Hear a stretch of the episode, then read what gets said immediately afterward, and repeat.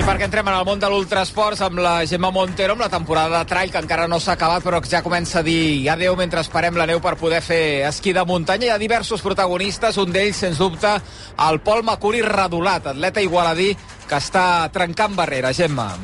Sí, ha tingut un gran any després de ser paralímpic als Jocs de la Xina del 2022. Es va convertir, de fet, en el primer espanyol en participar en uns Jocs eh, Paralímpics d'hivern. Tot i tenir una discapacitat, ha estat competint en curses ordinàries durant tot l'any i recentment, a més a més, ha format part de la selecció catalana de trail running. També va fer la mitja marató de la Salomon Ultra Pirineu fa tot just una setmana. Té una hemiparèsia que l'afecta la part dreta del cos, però cap problema en demostrar que el trail pot ser un esport inclusiu. Amb ell va parlar la Gemma Montero, l'Ultra Pirineu, protagonista d'excepció. Avui a l'Ultra Esports, Pol Macuri Redolat. Pol Macuri, hola, què tal, com estàs? Molt bones. Pues molt bé, molt content d'estar aquí un altre cop i, i poder compartir una miqueta el que ha sigut aquesta temporada i, i el que es ve ara per endavant aquests dies.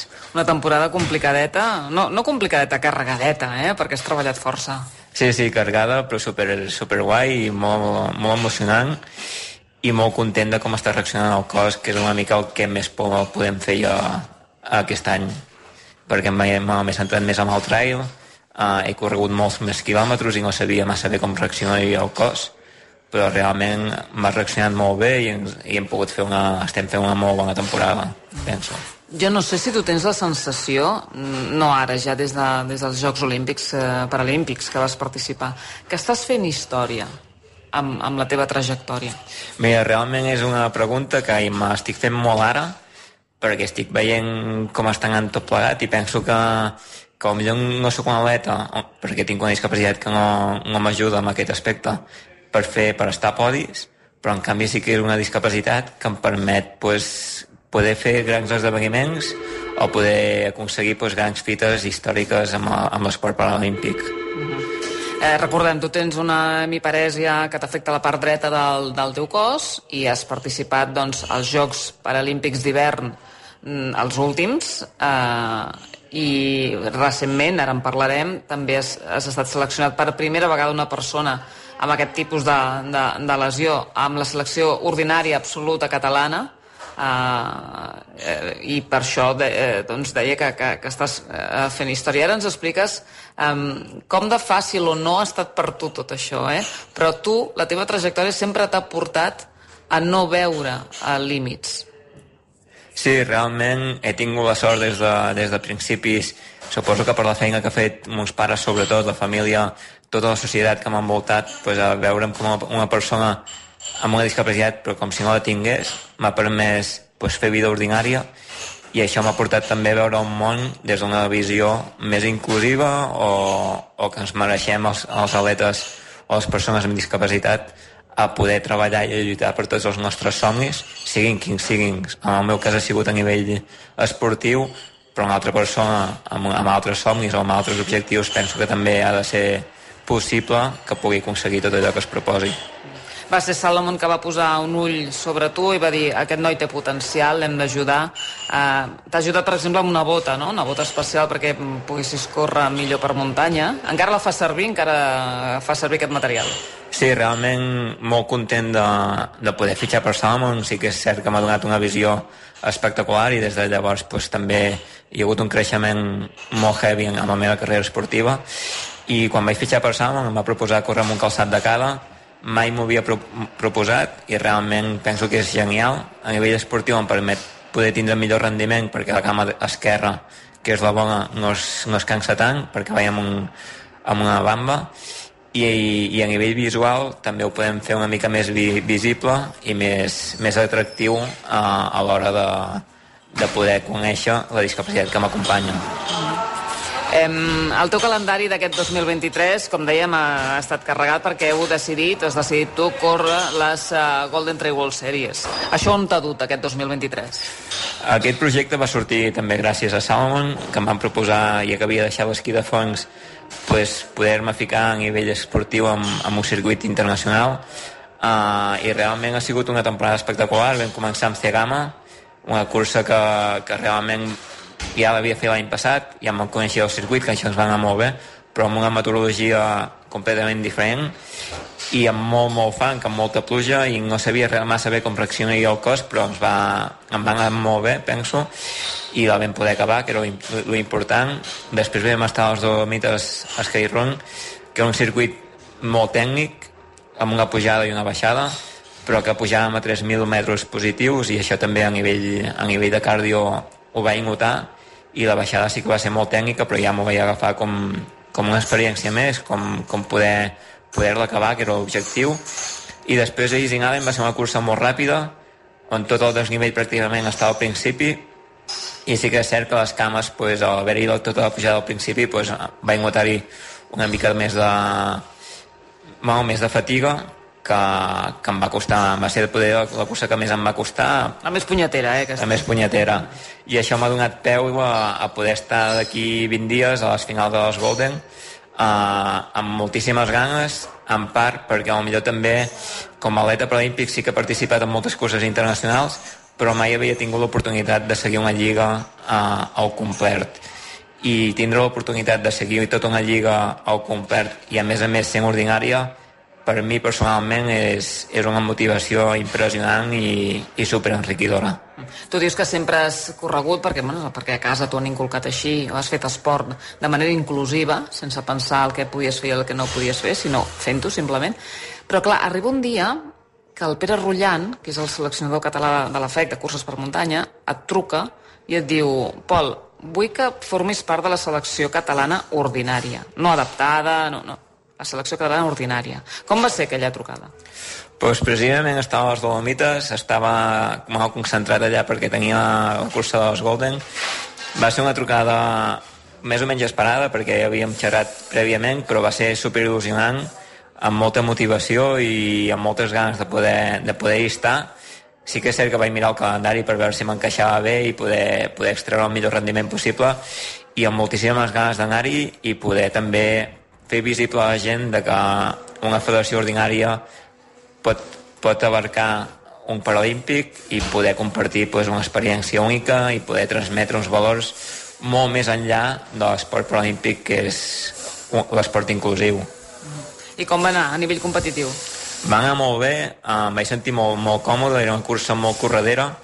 Sí que és cert que sortíem amb calaixos i per mi les referents i, la, i les referències sempre són les fèmines, perquè sempre estic allà amb les primeres i poder a nivell, a nivell més competitiu, a nivell de, de poder-me apretar una miqueta més, poder sí que vaig faltar un punt d'estar de, amb, amb, les, amb les fèmines en aquest cas per, per poder extreure un punt de, més de rendiment. Però com a experiència va ser impressionant vam poder compartir doncs, un cap de setmana amb tots els atletes els dos seleccionadors que van venir amb nosaltres i poder donar aquesta visió al món però uh, ordinari en aquest cas doncs, va ser un privilegi.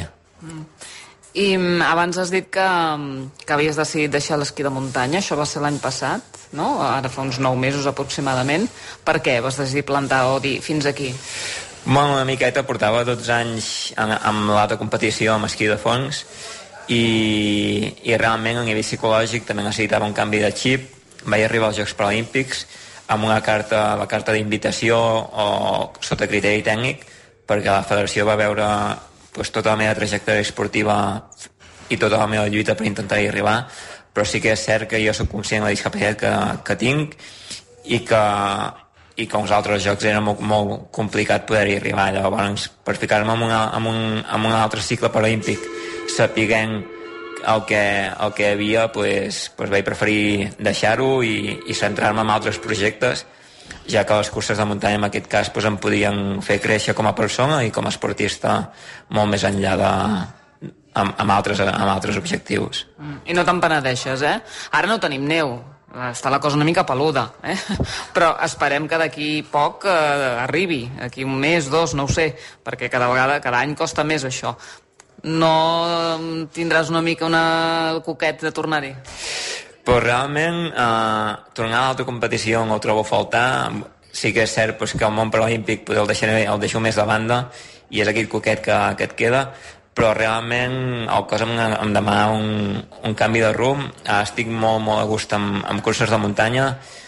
i, i va ser molt curiós perquè vaig estar un any amb, una, amb un bloqueig emocional dels jocs molt heavy l'emoció, bueno, les llàgrimes les, les vaig treure al cap just d'un any quan vaig veure mal, quan vaig recordar una miqueta tot el que havia viscut feia un any i a nivell de neu eh, el cos em va demanar a principi de temporada de no tocar neu em va demanar de, de desconnectar de, de tants anys d'anar darrere la neu, de buscar-la, de, de tants trastos, fins al final de la temporada que el cos em va dir, hosti, doncs ara tinc ganes, i el que em vaig centrar molt és en, en escoltar-me a mi mateix, en veure què, què necessitava el cos, què em demanava, i quan realment em va demanar, hosti, doncs ara tinc ganes de, de tornar a disfrutar de l'esquí, de, de les lliscades, doncs va ser quan, quan vaig decidir poder pujar a Tuixent i poder disfrutar d'aquell esport que m'ho ha donat tot i sempre li estaré agraït.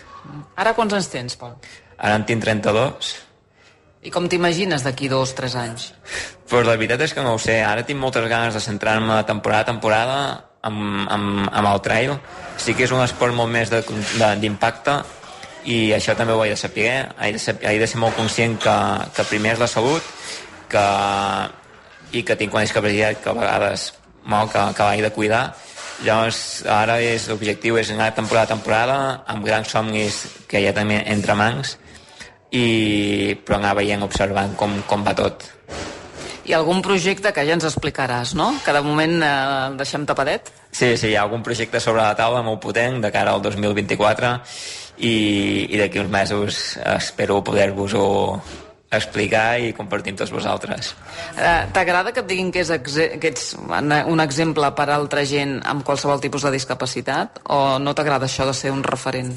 Bueno, penso que, que la discapacitat m'ha donat una carta màgica per mi, vull dir, cadascú viu de la seva manera, això també ho tinc molt clar i també és, eh, ho vull transmetre i, i gràcies a això si puc fer, ser un referent o, o transmetre uns valors a la societat molt més potents o molt més enriquidors, penso que, que és un privilegi sent conscient pues, que, que tots som humans i que tots ens mereixem lluitar pels nostres somnis. I córrer per la muntanya.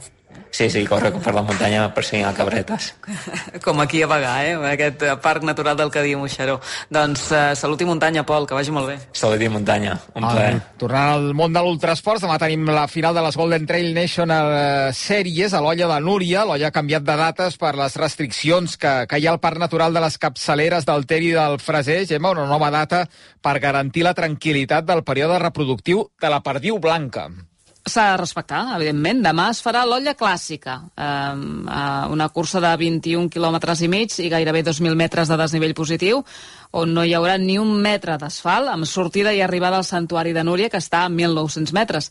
Entre les favorites, entre les dones, doncs la Núria Gil, la Josina Gavarró, la Núria Tarragó, la Inara Uribarri, la Clàudia Sabata, per exemple, i entre els homes, doncs, dos participants de la Salomon Ultra Pirineu de l'altre dia, dos guanyadors, Robert Quemoy i Miquel Corbera, però també Pere Rullan, Marcoller, l'Edu Hernández, entre d'altres. Una cursa que podreu seguir en directe per Esports 3. Avui s'ha fet l'olla vertical, que forma part de la Copa Catalana de Curses de Muntanya. La victòria ha estat per Jordi Alís. Eh, S'han portat la cursa i els 100 punts, amb un temps de 46 minuts i 51 segons, amb més d'un minut d'avantatge sobre l'aragonès Esteban Herrero, que ha estat segon, i el tercer ha estat David eh, Soler, el líder de la General. En dones, en categoria femenina, victòria per Mireia Hernández, eh, que ha arribat al cim del Puigmal amb 53 minuts i 16 segons. S'emporta també els 100 punts com a guanyadora de la cursa i amb aquesta victòria obre de bat a bat la classificació general i ho deixa tot per eh, decidir el Puig Sacalm en l'última prova de la Copa. I demà serà el dia també del Challenge Barcelona Trialdon 2023, que ha esgotat les 3.200 places disponibles. Això vol dir que hi haurà un 88% més de participants que a l'edició passada de l'any passat, inclòs, eh, per si us voleu acostar a la zona de la Marbella de Barcelona i veure'l, inclòs el campió del món i olímpic també, Alistair Brownlee. Una mica més lluny, a Chicago, demà es correrà la Marató, una de les Six Majors. I recordem, només 2 hores, 4 minuts i 24 segons segons va necessitar el kenià Benson Kipruto per eh, guanyar-la l'any passat. I la seva compatriota Ruth eh, Chemgetic va guanyar la prova femenina en 2 hores, 14 minuts i 18 segons. El benefici econòmic, per això, eh, l'origina doncs, els eh, participants populars, que són més de 42.000.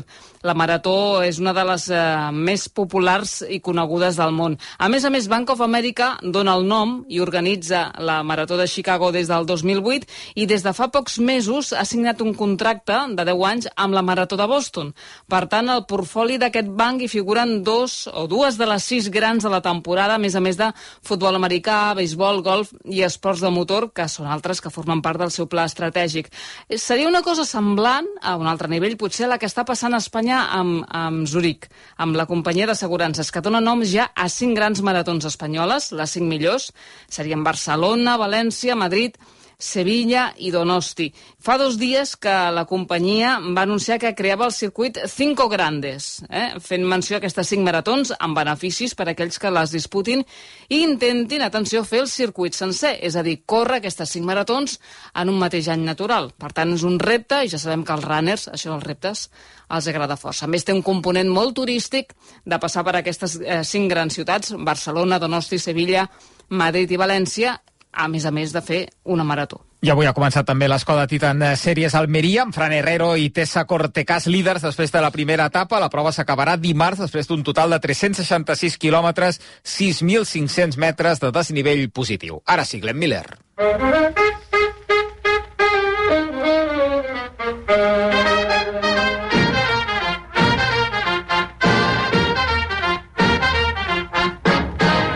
Hem d'arribar a la meta, com sempre, amb el gran Miquel Pucurull, que vol que coneguem la història de Pavo Nurmi, el finlandès volador. Amigues i amics, aquesta setmana s'han complert 50 anys de la mort de Paavo Nurmi, l'atleta finlandès dominador de les proves de mitjana i llarga distància dels anys 20 del segle passat. Capaç de guanyar 12 medalles olímpiques, ostenta el títol de l'atleta més llobat de la història dels Jocs per davant del Carl Lewis i l'Usain Bolt, que en tenen 10 i 9. De petit, com fan ara els nens canians, corria 10 quilòmetres cada dia per anar a l'escola. I en fer-se gran i dedicant-se de ple a l'atletisme, els seus mètodes d'entrenament eren d'una duresa extrema. Per posar un exemple, corria metres i metres darrere d'un tren per tal de forçar la gambada. Una pràctica que també feia 25 anys més tard Emil Satopek, un altre atleta icònic. Es diu, per cert, que quan el xec ho passava malament, per animar-se, cridava «Soc Nurmi, soc Nurmi». No n'hi ha per menys. El finlandès volador, com l'anomenaven, va acumular 22 rècords mundials i va guanyar 121 proves seguides. Moltes als Estats Units, on es mesurava amb altres atletes en tot tipus de curses per obtenir uns quants dòlars. Precisament, a punt de córrer la Marató Olímpica de 1932, no el van deixar participar per considerar-lo professional. Una cosa que avui fa riure. I amb això, la carrera atlètica de Pavo Nurmi es va acabar. Però no la glòria. Fins i tot al seu país van encunyar monedes amb el seu rostre. Fins al cap de setmana que ve, correu o corrinyeu molt. Doncs com sempre, fer-li cas al Miquel Pucurull avui amb la història de Pavo Nurmi. Gemma, la setmana que ve més. Gràcies, adeu-siau. Fins la setmana que ve.